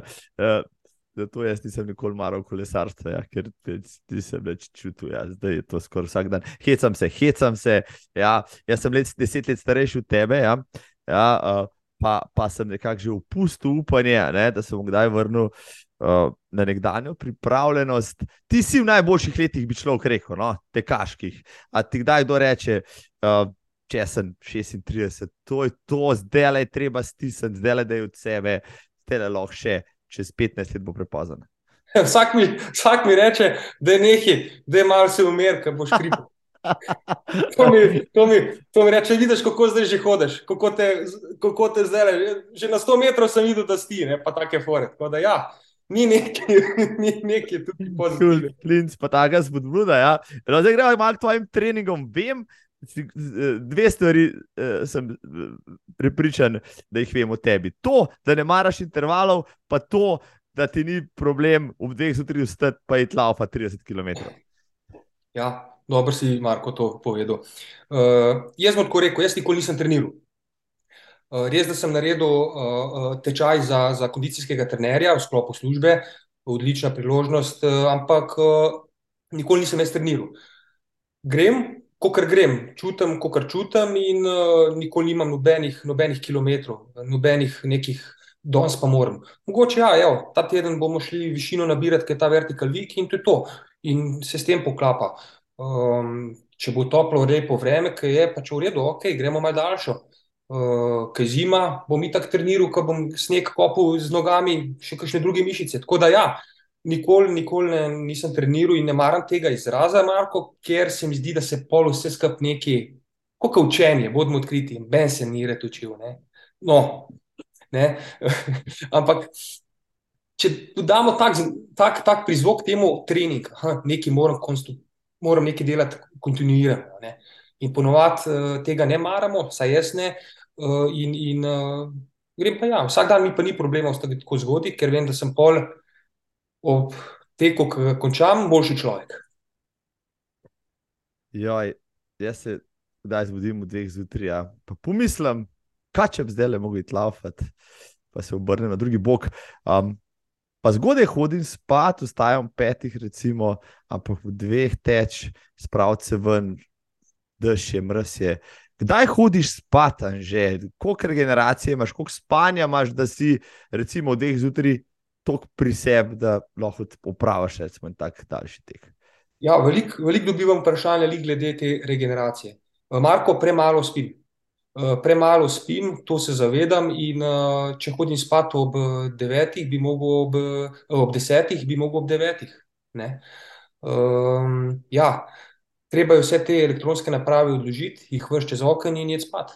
Odkrito povedano, in tukaj je to. to. Uh, Mrsi kdaj kakšen zanimiv film, pač ja, izklopiti in je počivati. Um, jaz pač ja. Um, lahko si to prvošem, da, da, da pač tako zgodi uh, od, od, od teč. Uh, je pa seveda, da je um, mučno, priznam, zlasti, ko zapiha zdaj letale veter ne, ali pa sneg. Ampak ja. To mi je že nekaj trik, sorry, da se te zmotim, ampak zihar, zdaj le mi je šlo na misel. Sigurno ima že česen trike, s katerimi se, ko, ko ne vem, budilka zazvoni, spravi iz posle, ne, daš noge z posle, pa so že v copatih in greš teč. Kaj imaš, kaj reš v tekaški upremi spat? Ali, kaj so tvoji triki, da dejansko nimaš od trenutka, ko se zbudiš, naslednjih tri minute izgovorov, ne, ne, to brez veze, grem spat. Uh, prvo je volja. Ampak, ok, to še ni trik. Trik je to, da vstaneš in greš. Ne uleže se nazaj ko budilka zazvoni, jo pobereš in ostaneš, in ustaneš, ustaneš. Ni, ni debate, bi pa še mal, ne, ni, ni mil, milisekunde, ni ustati. In jaz sem uh, tako naštiman, uh, da uh, zjutraj, oziroma že en večer prej, si vse prepravim. Ne? Grem lepo po redoslovju, od nogovic, skor, cek, tole, cek, sem si dam, imam naštimano in to me čaka. Uh, in 15 minut, če se ob treh zbudim, 3-15 sem že zunaj. In uh, tukaj ni, da bi neki kozarc vode, da se popije, kot bi rekel Šiškar, pri meni, kolega pravi, uh, kozarc vode za sklepe in drži. Probite in drži. Za sklepe kozarc vode, dva deci in, uh, in to spijem in grem.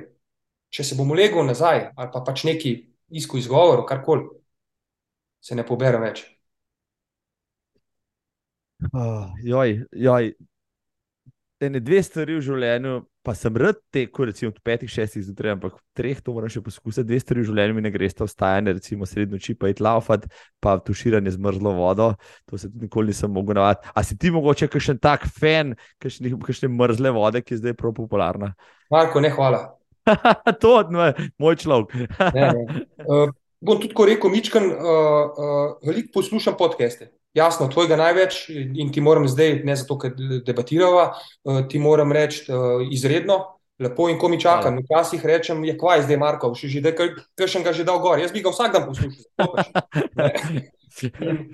Res, super gosti uh, in, in, in všeč mi je, uh, da sem odkrit, najmanj takrat, ko je linija uh, zvokovno, da, da je top, odkrito povedano, uh, nič narobe.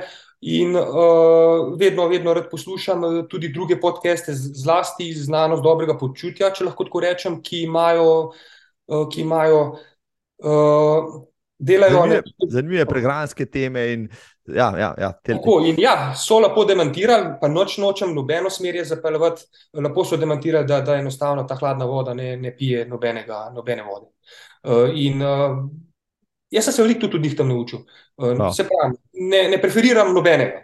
Uh, vsak ni svoj, ima vsak ni svoj guli, kar mu je v redu, ampak mene mrzla voda ne dobi. Sva že dva fena uh, podcasta znanosti dobrega počutja. Pozdravljam Nenada in prijatelje, uh, jih poznam, so v redu, deš, kot ti res naštudirani in, in kar oni debankajo. Jaz, to je zdaj moj glavni vir. Če mi kdo reče, eritritol je škodljiv, rdeče meso je škodljivo, sem rečem, fantje, ne bo čez držalo. Ja, uh, bravo. Jaz tudi pravim, mrzla voda, kakorkoli je že včasih, vem, greš na kamniško sedlo, pa na brano pretečeš dol, pa še ti v svežitu skočiš v kamniško bistrco za 20 sekund, super je. Ampak da bi to počel sred zime, pa vsak dan, se, se mi pa ne zdi ravno psihofizično najboljša stvar. Ampak ja pusti zdaj to mrzlo vodo.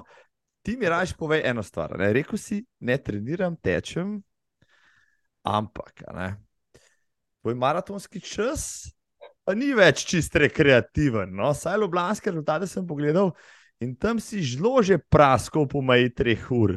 Takrat pa si mogel narediti, ali tudi ne. No? Zdaj mi povej, kakšen trening, či si sistematičen. Ja, evo, Marko, mislim, da je, popravi me, prosim, uh, mislim, da je 3-0-4 tam okoli, da je. To je to. to, je to. Uh, takrat sem hotel uh, ga dati pod 3 ure, uh, in, in uh, ja, pač ni ratelj. Je pa tako, da jaz moram priznati, nisem nikoli, nikoli treniral za nič. Ne za ultra, ne za maraton. Uh, ja, če sem se počutil, sem rekel, da zdaj grem pa dolžni, pa hiter, ali pa pač od kje do kje hiter, nikoli nisem res treniral. Um, je pa res zanimivo zbla, Uh, mislim, da je bilo letos Wings for Life, Vordan, sem ga virtualno tekel na stadionu uh, v Latviji, sem bil na misiji in uh, imel sem dve zapestni uri uh, na levi in desni roki. In uh, jasno, bil sem zelo vesel, ker sem pogledal na desno stran uh, zapestja, ki je kazal maratonski čas pod uh, tremi urami.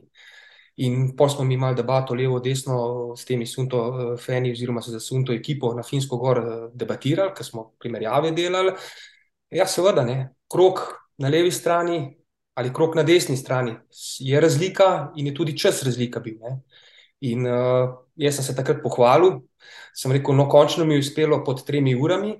In on rekel, no, uh, poglej na levo stran oziroma na desno in boš videl, da je malo razlike. Uh, sem rekel, čakaj, hočeš mi povedati, da nisem maratona pretekel pod tremi urami, tako da očitno ga nisem. Ne?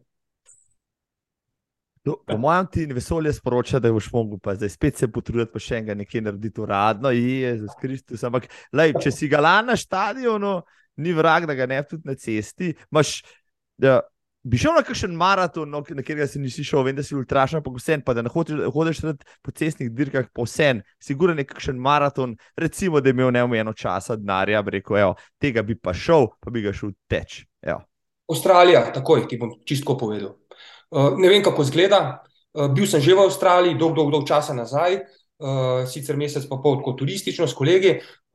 Meni je Avstralija zelo lepa država in ja, tam bi ga šel tudi teč. Bil sem tudi na Dunajskem maratonu s kolegom in je bil takrat mučni, mučni, mučni maraton. Takrat je pa kolega treniral, še danes imam tabelo shranjeno, 2011 je tabela naslov.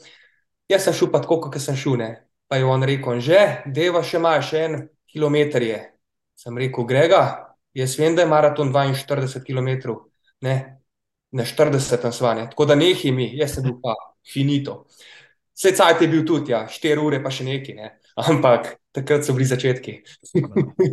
Dunajski antren je tako lep, ja, če si pripravljen, če pa nisi, pa lahko boš jasno težek. Um, Latvijo si v menu. Lani si ja. bil na misiji, oziroma nekaj časa gor, ja, službeno. Tako, zdaj sem bil že dvakrat zaporedoma gor. Uh, mislim, da 19 ali 20 uh, ali 22, mislim 20-22, da sem bil, no, dve rotaciji, da sem bil gor. Uh, tako da ja, ravninska država uh, in tam so bili časi, so bili zelo hitri. ja, videl, sem, videl sem, da si velik tekel, me pa nekaj drugega zanima. No? Glede na to, da si bil gor, potem, ko se je začela vojna v Ukrajini, ne, pa da vendarle Latvija meji na nekdanjo mati Rusijo. Uh, je, so bile kakšne drugačne razmere, tam je bilo kakšno uh, bolj, bom rekel, izredno stanje, je bilo kaj napetosti, vendar le je bilo v soseščini, če lahko tako rečem. Ja, Vojna. Vedno, tako kot hajamo, uh, bom govoril v mojem, v mojem imenu, ne v imenu nobene službe, v, v, v imenu Anžeta Česna. Vedno, ko odhajamo na tako zadevo, hm, seveda, upaš in strmiš temu, da priješ domov. Uh, lahko je taka in drugačna misija, lahko so navarne, lahko niso tako navarne misije. Nikoli ne veš, kaj se zgodi, da danes vidimo na cesti, tam ne pride, ti o te ni. Treba je cent vsako sekundo. Ampak ja, ok, da se vrnem na to. Uh, zadeve gore zmere, bom tako rekel, so bile, um, ne bom rekel, nenavadno umirjene, ampak žal ali ne žal, kakorkoli že. Uh, vse ta zadeva se je premaknila uh, bolj proti jugu. Tako da, koliko manj opreme, kot jo je sedaj, gor, da rečem, na tistem delu še nikoli ni bilo in toliko narkovajih mira, kot ga je zdaj, ker se je vse dol preselilo, ga še ni bilo. Uh, to nas je presenetilo. Uh, je, pa tako, da, uh, je pa tako, da so Latvici zelo nezaupljivi narod. Uh, vemo, da so bili dvakrat, uh, vemo, da so bili dvakrat. Um, Eh, da so me dvakrat osamosvojili od Nemcev in od Rusov, in uh, da težko oni zaupajo ljudem. In, uh, bom tako povedal primer, da mi je bil krok dolg 15-17 km, kako že, in rutina je tista, ki mogoče včasih nas ubija. Sem imel skozi rutino eno in isti krok. Ne? In jasno je bila tam tudi ena gospa. Ne? In uh, jasno, jaz, pač, ker sem nekje v drugi državi, vedno pozdravim. Mal probaš probavaš, kako je dobro, da pozdraviš, ker si ti le tam pač neki tujc. Rečeš, hello, kljub z roko, v redu noč, dvakrat, trikrat, štirikrat noč. Jasno, jaz sem bil šest mesecev gor, sem jo večkrat srečal, vse ko bom ustrajal, v redu z glavo, če ne z roko, v tret, včasih je nekaterim je preveč, če tako dvigneš, nekaterim je preveč, če tako dvigneš. V glavnem, ok. Tri mesece no, je rabila gospa, da sem se nasmejala en drugemu. In sem rekel, evo, že, to je to. Kakšna super zgodba. Ja. Na koncu je že ona pozdravila tebe, ali kako če tebi delala vsak. Ja, in, in ko sem naredil mogoče zadnji krok, ker sem jaz, jaz sem vedel, kdaj bom jo zadnjič, na kojih zadnjič videl, ne, uh, mogoče mi ni bilo vse, ne, odkrit rečeno. Sem rekel, evo, tok, tok smo se videvali, uh, sem rekel, sam pri sebi sem rekel srečno, gospa. Ne. Prav. Zelo lepo. Zelo lepo. Že službeno in tudi drugače si videl, ker nekaj držav na svetu, kje te je, bilo, kje te je najbolj impresioniralo, kje je bila največja, največja eksotika, kjer si do zdaj tekel? Recimo? V bistvu, največje, v bistvu mi je žal, da nisem takrat v Avstraliji kaj več laufal. Čisto bom rekel, in, in žal mi je, da. Mek, meni je všeč, da grem nekam, neko novo državo ali pa drugo državo, pa neko državo, ki še nisem bil. Pa tudi če to samo za 10 minut, klopim svojo urco, da pol pogledam, wow, tam sem bil. Ne? In uh, v Avstraliji žal tega nisem naredil. Um, Tako da uh, najbolj eksotična država, ki sem laufal, hm, Grčija. Evo. Grčija, veliko toliko smo že nekaj dal čez, neki starši, zdaj le veliko z Matejo in s puncami. In, uh, ja, uh, meni je Grčija res, res lepa država, dežela, uh, umirjena, uh, preprosta in, in uh, ja, vleče me Grčija, me še vedno privlači. No? Grčija je zakon. Ja. Mi gremo letos na maraton, tja 40. obletnica klasičnega maratona je v Grčiji, v Atenah. Tako da ja, bomo nekaj, nekaj Grčije izkusili. A ti mi pa povej, ko pa tečeš doma, ja, ko si doma, kje naj raje tečeš, kje so tvoji omiljeni tereni, da jih se jih nikoli ne veličaš. Ja, uh, jaz sem kot 10-11 let tukaj le zdaj v Ivančni. Druga sem jaz iz Ljubljane, center, vič, kakorkoli že.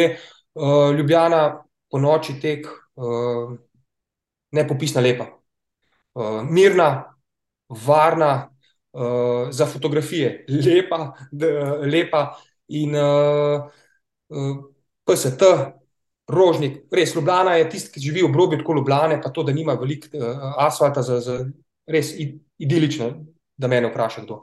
Ampak ok, tukaj Ivančni pa pristava. Eh, se pravi, klenčina gor na, na ta partizanski dom, ki je bil včasih, oziroma zdaj še turistična kmetija uh, gor uh, in oboljno, pa pa v bistvu tukaj lepo občini, polžavo. V bistvu en tak, en tak trail sem, sem nekako uh, sam pri sebi organiziral in vsakega prijatelja povabim na, uh, na trail, cca 40-42 km, neki, neki tavžent višine, ki se vidi znamenitosti in, in, in, uh, in asfalt in uh, trail potke. In uh, zelo, zelo lep krok. No. Od Požoga do pristave v Bolno in Višnje gore. Tako da, ja, okoliški hribi tukaj. No. Vrhunsko. Vrhunsko, rekel si pred začetkom, da nisi čist tipičen trail tekač, ampak slovenske traile si pa že kar preizkušal, vi pa kaš 24 na zadnje, evo, knap trail, če smo že pri tem. Ja, tako, Marko, lepo si rekel. Jaz nikoli se nisem imel za nekega, uh, pa ne me zdaj narobe za to, pa, pa nočem tako govoriti, ampak nekega tekača. Jaz sem šel laufat, zato mi je bilo v redu. Uh, vedno sem jaz uporabil izraz bežati, uh, bežimo od nečesa. Ne? Dobro, kakšni mislijo, probleme imaš levo, desno, mogoče tudi, ne vem. V glavnem, uh, ja, pa, pa uh, sem ničkrat videl, da so tudi treli lepi. In, in uh, ja, zelo lepi treli se prerejajo pri nas, uh, navdišujoča me je Vipava. Vipava me še vedno ima, da bi šel, ker sem tam v bistvu in so bili moji začetki tam. Mhm. In če bi bilo vse dobro, oziroma če bi se tudi šlo vse po načrtih, bi tudi jaz živel dol v Vipavi, ker sem gledal neko stanovanje dol. In začel sem služiti v uh, uh, vojsko dol in mi je bilo, meni je Vipava lepa. Ja, v redu, vsi mi rečejo, pa piha, pa v dol. Ja, Pršut bo pa kdo jedel, kaj se bo fajn sušil. Ja, ti pa ne, ja, jaz pa ja. v glavnem, uh, ja, uh, Vipava, pol K24, K24 sem imel tukaj dobre kolege, na rokovajih, da so mi dali darilni bolj, da sem se šel fajtat gor v hrib. da to je Mateja takrat zrihtala, ja, da, da, so, da, da sem se šel gor fajtat, uh, ki mi tudi lepo ratu zelo lep, uh, zelo lep uh, tek. Uh, tako da tudi ta knap trail tek uh, na povabilo ICIA, uh, zelo, zelo fajn, uh, lepi kraji. Pa tako je, ne? malo v hecu. Uh, trail tek je za tiste, ki radi počivajo. Ker ne moramo hitro po cesti laufati, gremo pa na terenu. Pustimo Ivija, pustimo Sobočana in, in podobne, in, in Janeze, in, in tako naprej, in Tilne. Ampak Za nas je pa fajn, ko vidimo klanc, da imamo hoditi. Uh, morda je pa trail zaradi tega tako popularen zadnje čase, ja, ker dejansko ti ni treba skozi laufati, imaš pa ponavadi zmer vrhunske razglede, super družbo, skozi se kaj dogaja, ne? uro lahko pustiš, kilometrski čas, niso pomembni. To same lepe stvari. Uh, Maš letos še v planu, moče kakšen trail, evo, če so že pri tem? Marko, v bistvu, lihu zanč meni vprašal na bledu, pa mislim, kaj pa sem rekel, da nimam nič kaj odprt. Uh, ne vem, evo. Res ti odkrito povem. Uh, uh, enkrat sem te obljubil, no, da bo šla tale vaš bled uh, oblaufat gor. Uh, tako da uh, neki so ga že šla, zanč sicer iz Bohinjske bele preko uh, rampe gor na, na tem nekaj že tale igelco, pa pol čez tam gor. Uh, izredno lepi kraj in izredno lepi razgledi. Um, ja, Blejski razgledni trail je dolg, dobrih 13 km, malo so razmerno, ima 700 višincev, tudi ne, ne vem kaj, je pa znam potem, da ima tri. Ker uh, do zahtevne vzpone, in ko ti narediš ne, dva, se pravi, ti zga na stan, pa ti zga na ojstrco in sojnico, prideš dol, pretečeš do mlina, te pa čaka še 10 minut resnice, skoraj na gliho, na upično ven, še na stražo. Ja, tisto je pa tudi že najboljše.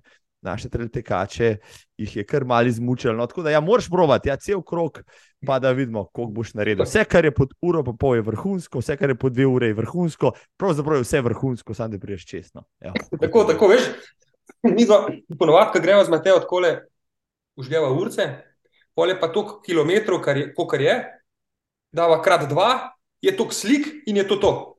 Tako da to nama je, to nama je zabavo. In, in, in dokler bo to, je to to.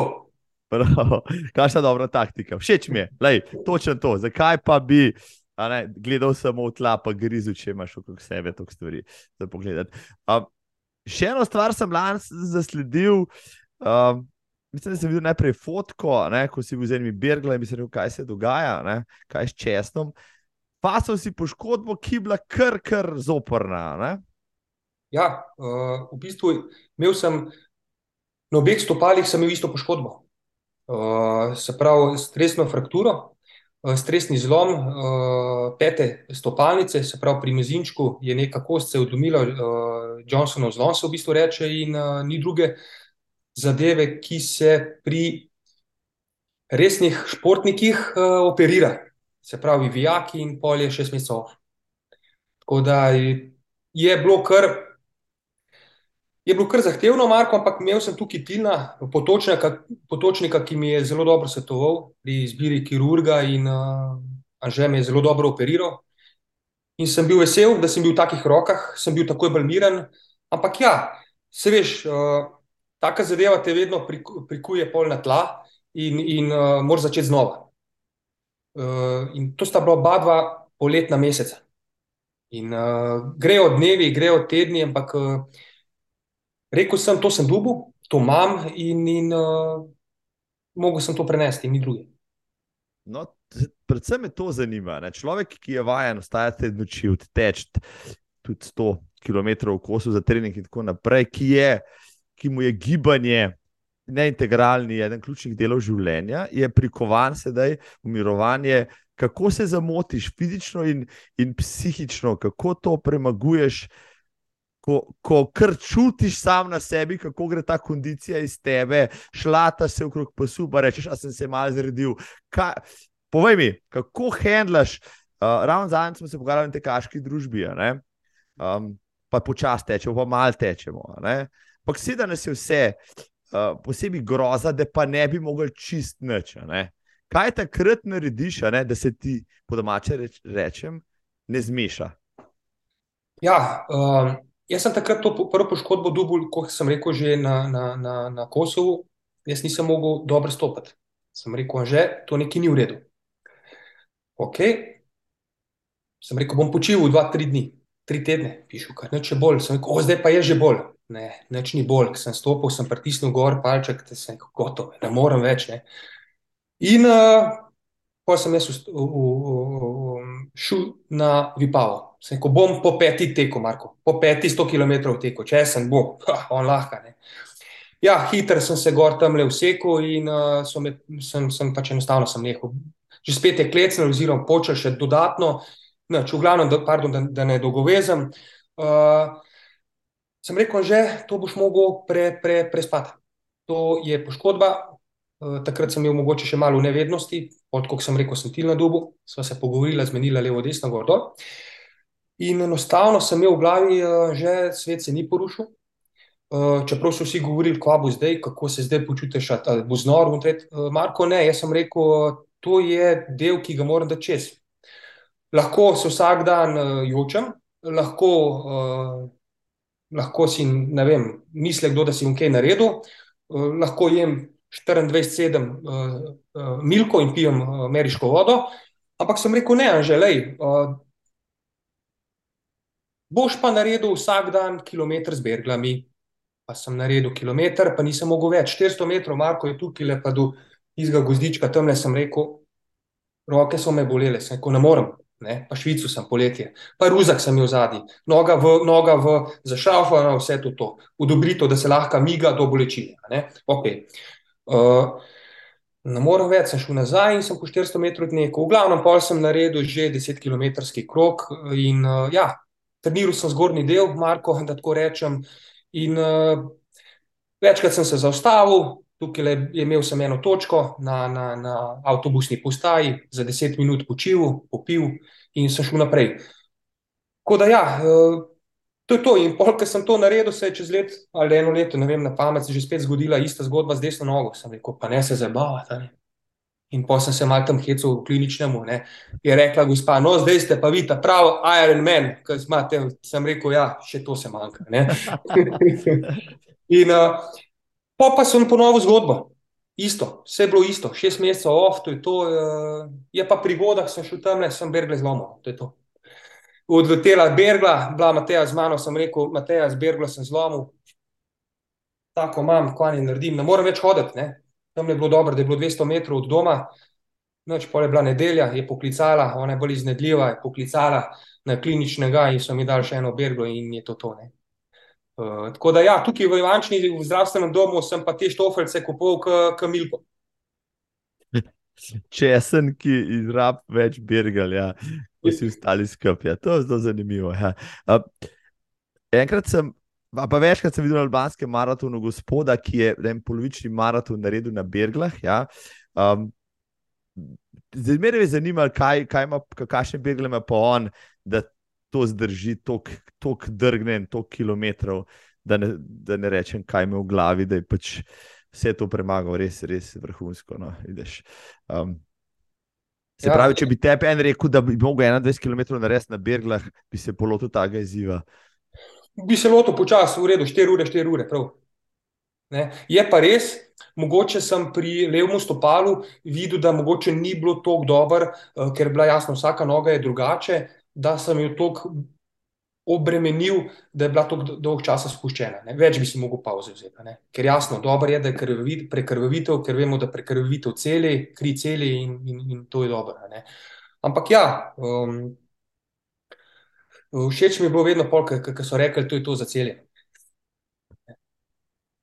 Deva reči, da, da ti zdaj, zdaj že zmanjkalo zmanjkal nog, ki bi, bi lahko polomil pač mezince ali kako, ali da si s temi poškodbami upravil in da si zdaj Iron Man, ki bo Strong Man in vse ostalo. Tako, je pa res, Marko, da, da ta prvo stopalo, ki sem si ga pozdravil, ki sem si nadel majico od našega perota, ki, ki je bil v bistvu malce sem ustanovitelj tega Strong Man tima, uh, sem, sem si dal majico in sem šel prvih uh, pet km uh, po poškodbi laufa, sem rekel, evo, to je to. Perotu za spomin, kjerkoli je. No? Prav, vsa čast, res, vsa čast. Uh, zdaj, zdaj si zdrav, brez poškodb, zdaj greš na polno v nove zmage. Ja?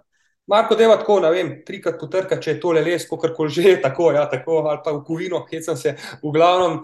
Uh, ja, zaenkrat je to, to, vem pa sam, da se moram čuvati pri regeneraciji. Um, kot sem rekel, dobro, zdaj je bil ta rutin tek, tok pa to kilometrov. Uh, Mal sem šel v, v tole savno, uh, v, v, v bazen, zelo v redu. Uh, ampak ja, mogoče bom tako rekel, ne, tega vertikala vika, mogoče ga ne bi bilo treba, da bi ga naredil, ne, oziroma da bi sploh to se udestvoval. Pa se ni velik, da bi rekel, ampak si na nogah. Ne.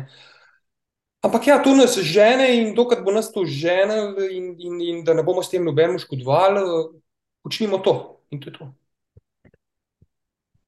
Še ena stvar za konec, ne smem pozabiti, da sem si prebeležil. En dober, dober zapis si napisal takrat med korono, med prvo korono, se spomnim.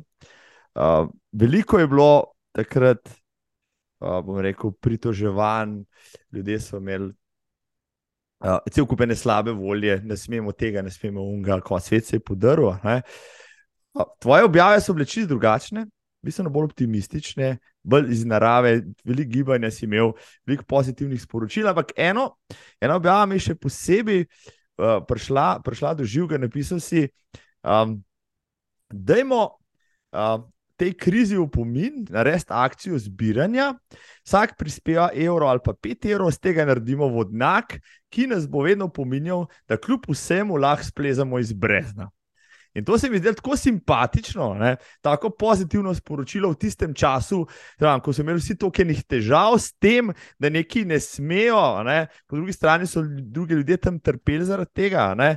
Ampak jaz sem rekel, smo res tako razvajeni, da že to, da pač, ne, pač en mesec ne smeš v gostilno, je največja stvar na svetu, največja groza. Ampak ti si dal to sporočilo, zakaj si to objavil, kaj si s tem takrat hotel sporočiti, no, da mi sam razložiš s svojimi besedami.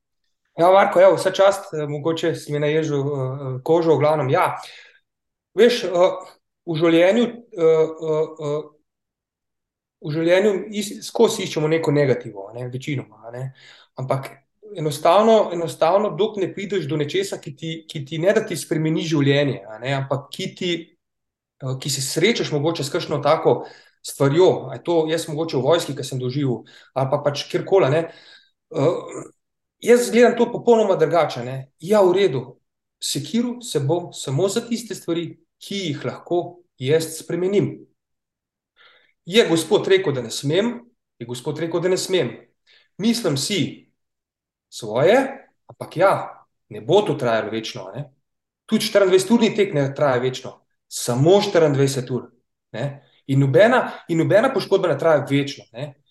In, in uh, iz, tega, iz tega mogoče, da jaz tudi nikoli, uh, pa mogoče, uh, če bo šel kdo to brati ali pa pač, um, če bo šel to raziskovati, tako kako se temu reče, jaz nikoli nisem besede, zdaj bom izjavil, korona uporabil. Ne? Zato, ker tega je bilo blazno, blazno, blazno. Ne? Uh, vedno sem tudi v tem blogu pisal, zaradi vsem znanih razlogov ni bilo tega. Uh, zato, ker uh, to, ki je negative in, in ne rabimo imeti. Enostavno je ne rabimo imeti. Um, Mene je pa mogoče spremenile, so me malo, mogoče vojska spremenila, da gledam drugače, kakšni tečaji, eh, taki, ki pač mogoče ne me narobe marko zastopati in, in eh, niso za vsakega, oziroma se vsaki ne loti, da jih da čez. Uh, in in pa še te teke, uh, ki si sam, ki sam fajtaš sred noči, noben ti ne bo pomagal, noben ti ni, ni, ti ni, ti ni rekel, da greš ven. In iz tega jaz gledam, da ne smemo tako gledati. Dajmo, dajmo gledati pozitivno, dajmo si pomagati. In, in nisem neki svetovljan, ne? nikoli nisem rekel nek, nekaj dobrodelnega, ker Marko, ti si že. Jaz nikoli nisem naredil nekaj dobrodelnega. In, in, um, ampak dajmo gledati pozitivno. Mrsi, ki mene tudi razjezija. Ampak bom se sekiral stvarjo, ki jo lahko jaz spremenim. Mislim, da meni je tudi všeč, recimo, stoicizem, pa nauki, ki z tega sledijo. In zdaj le ne bi možno boš sam vedeti, kar si ti zdaj le povedal. Uh, res, da si ti mene ježil kožo, res kašno sporočilo, pa ravno se te hotel vprašati, kakšna je tvoja življenjska filozofija. In zdaj le si tako dobro to povedal, um, da mislim, da si še kakšen mu dal za misel. Uh, da mi, dragi in že, pol povej še čez konc.